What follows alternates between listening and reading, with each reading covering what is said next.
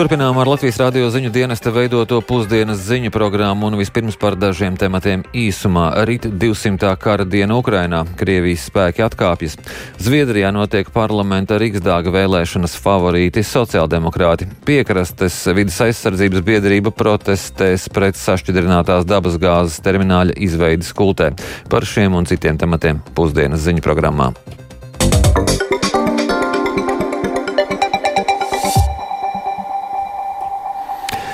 Ukrainas spēki nepilnas nedēļas laikā ir atbrīvojuši lielāku teritoriju nekā Krievijas spēki bija sagrābuši kopš aprīļa. Par to ziņo gan Ukraiņu amatpersonas, gan ārvalstu militārie komentētāji. Vienlaikus ir saņemtas ziņas, ka Krievijas spēku vienības dodas dziļāk okupētajās teritorijās un Krievijas virzienā. Vienlaikus kārtējo reizi sāsinājusies situācija Zaporīžas atomelektrostacijā. Vairāk par aktualitātēm no Ukrainas stāsta Uģis Lībietis.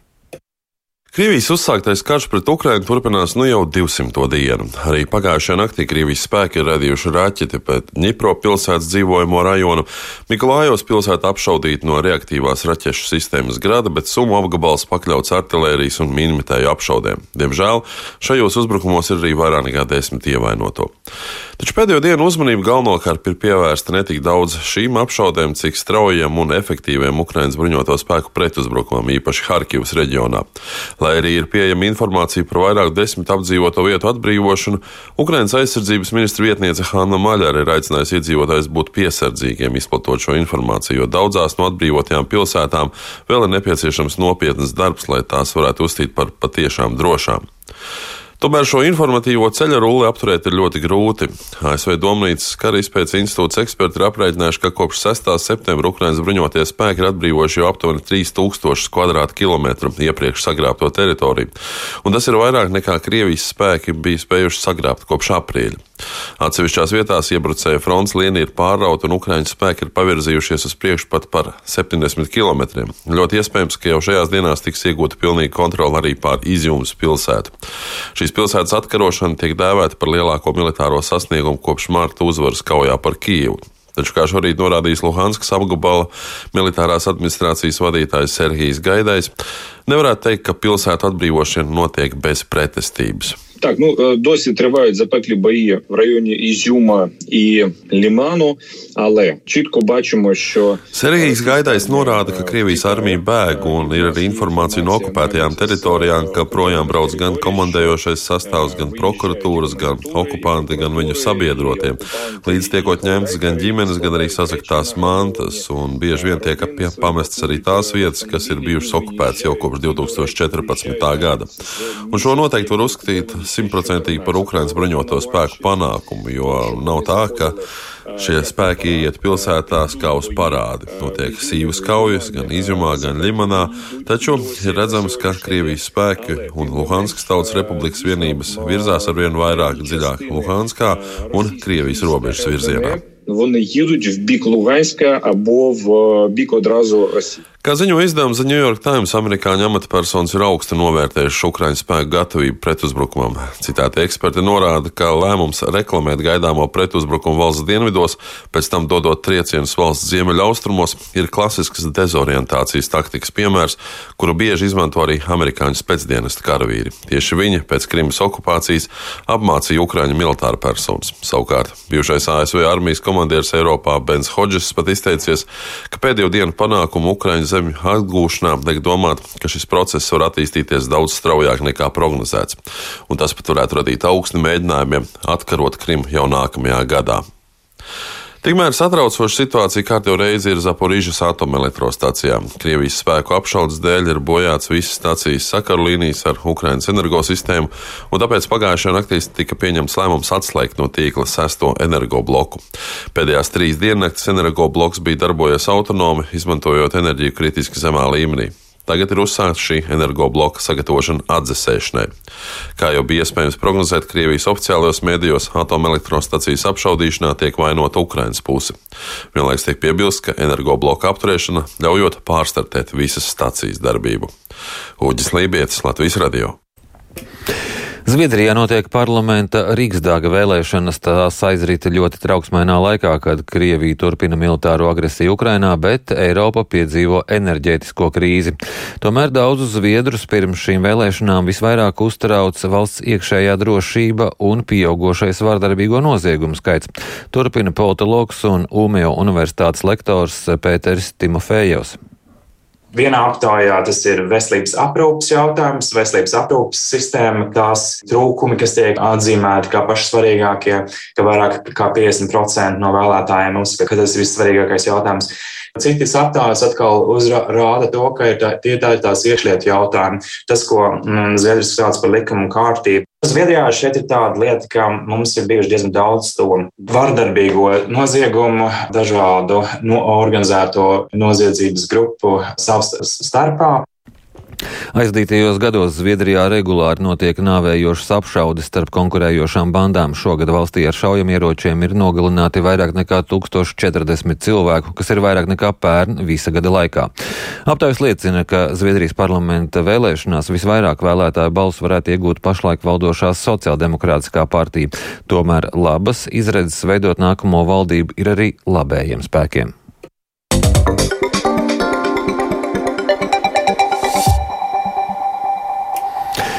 Šorīt Reizeknē ugunsgrēkā gājis bojā cilvēks, informēja ugunsdzēsības un glābšanas dienests. Ugunsgrēks šorīt izcēlies trīs stāvu dzīvojamā mājā. Notikuma vietā ugunsdzēsēji konstatēja, ka pirmā stāva dzīvoklī deg divāns un sadzīves mantas desmit kvadrātmetru platībā, kā arī gājis bojā cilvēks. Pirms ugunsdzēsēja ierašanās no ēkas evakuējās 11 cilvēku. Stundas laikā ugunsgrēks lokalizēts. Piekrastes vidas aizsardzības biedrība protestēs pret sašķirinātās dabas gāzes termināļa izveidas kultē. Valdība augusta beigās slēgtā sēdē vienojās Nacionālo interešu objektu statusu piešķirt sašķirinātās dabas gāzes termināļa projektiem skultē. Tas nozīmētu atvieglotas procedūras šī projekta ātrākai īstenošanai, bet iedzīvotājs satrauc drošības riski un ietekmes uz vidi novērtējuma neskaidrais process. Plašāk Sintīs Ambots veidotajā ierakstā. Salkrastos šodien plānots piekrastes iedzīvotāju protests pret skultas sašķidrinātās dabasgāzes termināli. Akciju rīko piekrastes vidas aizsardzības biedrība, jo kopš idejas parādīšanās jau 2016. gadā iedzīvotāji nav saņēmuši atbildes uz jautājumiem par vidas un drošības riskiem. Viens no argumentiem ir tas nu, tuvums Inču kalnam, kas, protams, no vienas puses tā arī ir, bet no otras puses tie tomēr ir 40 km cauruļvadu, tātad, kas ir jārok no nulles, un arī pats objekts, protams, viņa atrašanās līcī liekas ārkārtīgi dīvains un nu, nepiemērots. Varbūt šis tuvums ir izdevīgs pašiem projektu attīstītājiem, bet nu, atkal nav atbildes uz to, kā tas ir izdevīgi mums pārējiem. Tāda vīzija par termināli vietā, kas tam absolūti nav piemērots, šeit nav nekādas infrastruktūras. Biedrības pārstāve Marta Timrota norāda, ka līdz ar valdības vienošanos par atbalstu šim objektam noteikti nacionālu interešu statusu, pastiprinājušās arī aizdomas par steigu realizēt kādas saimnieciskās intereses, kā arī iedzīvotāju bažīs par ietekmes uz vīdi novērtējumu neskaidro procesu ietekmes uz vidi novērtējums, arī zin, apskata drošības jautājums, teiksim, kaut kāds avārijas uh, gadījums. Nekur arī no šī projekta virzītāja netiek izcelts tas, ka tas tomēr ir uh, bīstams ķīmisks objekts. Nu, nav īsti skaidrs ne šis vides aspekts, nedz arī ekonomiskais aprēķins kaut kur ir pieejams. Uh, nu, tā tad nav īsti nekāda salīdzinājuma. Ideālajā variantā būtu droši vien jau sākt ar kaut kādu reģionu plānošanu, ar sapratni par to, cik tad būs reģionā kopumā termināļi, kādas ir sarunas ar kaimiņu valstīm. Nu, nekādu atbilžu nav. Tā vietā tad tiek pieņemti šie ātrie straujie lēmumi e, dažas dienas pirms vēlēšanām, kas liek mums domāt, ka nu, tā nebūs e, tā lētākā gāze, kā tiek apgalvots. Neskaidrības par skultas termināla ietekmes uz vidi novērtējumu jeb IVN veicinājuši vidas ministra Artūru Tomu Plešanu attīstībai par priekšlikumu Saimnes tautsēmniecības komisijai, piedāvājot grozījumus likumā, kas paredz, ka IVN procedūra būtu nepieciešama tikai tiem objektiem, kas ir piesaistīti gruntī, bet peldošām piestātnēm tā nebūtu jāveic. Ministrijas valsts sekretāra vietnieks vidas aizsardzības jautājumos Andris Ķēniņš gan saka, ka priekšlikums uz skultas terminālu neatiecas, jo tas būs savienots ar zemi. Skultas termināls 20. gada janvārī ir saņēmis IVN programmu. Tā programma ir spēkā vairākus gadus. Ja viņi kādā posmā kaut ko ir apturējuši un nav kaut ko veikuši, tā ir nu, viņu pašu jautājums, bet mūsu pēdējā komunikācija ir, ka viņi šobrīd eh, kaut kādus atzinumus vēl tur ekspertiem gatavo un ka viņi tuvākajā laikā, neprecizējot, vai tas ir mēnesis vai pusotrs vai divi, viņi iesniegs savu gala ziņojumu par kuru vidas pāraudzības valsts birojam ir jāpieņem lēmums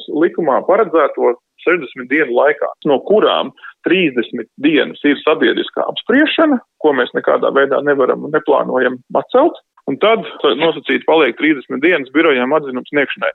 Iedzīvotāju protesta akcija pret skultas sašķidrinātās dabasgāzes termināļa projektu noritēs šodien pēcpusdienā Salkrastu jūras parkā. Sinti Ambot, Latvijas radio.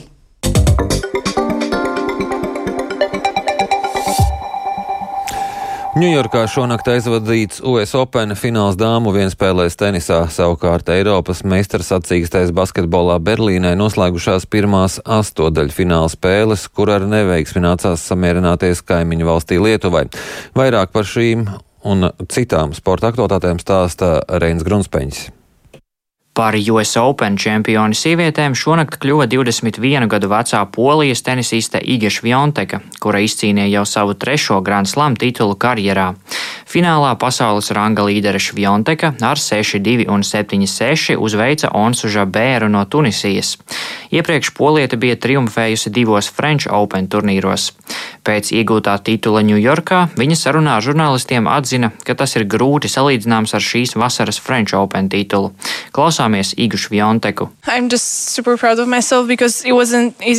Esmu ļoti lepna, jo šī nebija viegla spēle, kaut arī sākumā dominēju. Es zināju, ka pretinieks izmantos katru kļūdu, kuru pieļaušu. Šo titulu ar iepriekš izcīnīto Parīzē ir grūti salīdzināt. Tad man bija lielāks spiediens, jo visi sagaidīja no manis uzvaru. Šeit uz cietā seguma cilvēki no manis gaidīja mazāk. Galvenokārt esmu lepna par to, ka šajos svarīgajos brīžos nesalūstu. Es zinu, kāda ir sajūta, kad laukumā nav ideja un nav nekā, ko var izdarīt, lai uzlabotu spēles gaitu. Šobrīd ir pagājis ilgs laiks, kopš tā esmu jutusies. It's been a long time since I didn't have any idea, so that's, that's great. Savukārt Eiropas čempionātā basketbolā vakardienas vakarā astotdaļfinālu neizdevās pārvarēt Lietuvas izlasē, kas papildlaikā ar 94 pret 102 atzina Spānijas pārākumu. Ceturtajā ceturdaļā lietuvieši nespēja noturēt astoņu punktu pārsvaru un papildlaiku izrāva tikai pēdējā sekundē, kad Igans Brazdeiķis zem groza pielaboja neprecīzu tālmetienu. Eiropas čempionāta labāko astoņniekā Lietuva neiekļuva jau otro turnīru pēc kārtas. Citā astotdaļfināla spēlē Turcija spēja gūt 19 bezatbildes punktus pret Franciju, taču arī turki piedzīvoja zaudējumu papildlaikā ar 86 pret 87. Turcijas treneris Ergins Atamans to nodēvēja par sāpīgāko zaudējumu savā karjerā. Vēl Slovenija ar 88 pret 72 uzvarēja Beļģiju, bet Vācija ar 85 pret 79 tika galā ar Melnkalni. Pārējot uz šodien gaidāmajiem notikumiem, Berlīnē norisināsies atlikušās četras astotdaļfināla spēles. Pirmajā no tām pulksten vienos Aināra Bagātska vadītā Ukrainas izlase spēkosies ar Poliju. Dienas turpinājumā Somija cīnīsies pret Horvātiju, Serbija pret Itāliju un Grieķija pret Čehiju. Itālijā norisināsies pirmās formulas 16. posms Itālijas Grand Prix. No pirmās pozīcijas startēs Ferrari pilots Šarls Leclerc, bet čempionāta līderim Maksam Verstapenam 7. starta pozīcija. Sacensību sākums Monsas trasē pulksteni 4. pēcpusdienā. Bet pašmājās gaidāma ļoti svarīga spēle futbola virslīgā, kur divos dienā Jāņa Daliņa stadionā tiksies abas čempionāta līdervienības - Valmiera un FC Rīga. Uzvaras gadījumā rīdznieki pietuvosies Valmierai līdz viena punkta starpībai. Pēdējās trijās tikšanās reizēs pārāki gan izrādījušies valmierieši, turklāt visās trīs spēlēs viņi neielaida nevienus vārtus. Savukārt Latvijas dāmu volejbola izlase šovakar Rīgas Olimpiskajā centrā noslēgs Eiropas čempionāta kvalifikācijas ciklu, pulksten piecos tiekoties ar Slovākiju. Savā grupā Latvijas volejbolistas ieņem pēdējo vietu un iespējas kvalificēties Eiropas čempionātam ir zudušas. Reinis Grunspēņķis, Latvijas radio. Pusdienas ziņu programma izskan raidījuma producente Aiga Pelāne, ieraksts montēja Kaspars Groskops, pieskaņa pults eh, Kristaps eh, Eida studijā eh, Lauris Zvejnieks. Mūsu ziņām var sekot līdzi arī Latvijas Rādio 1 Facebook lapā un LSMLV.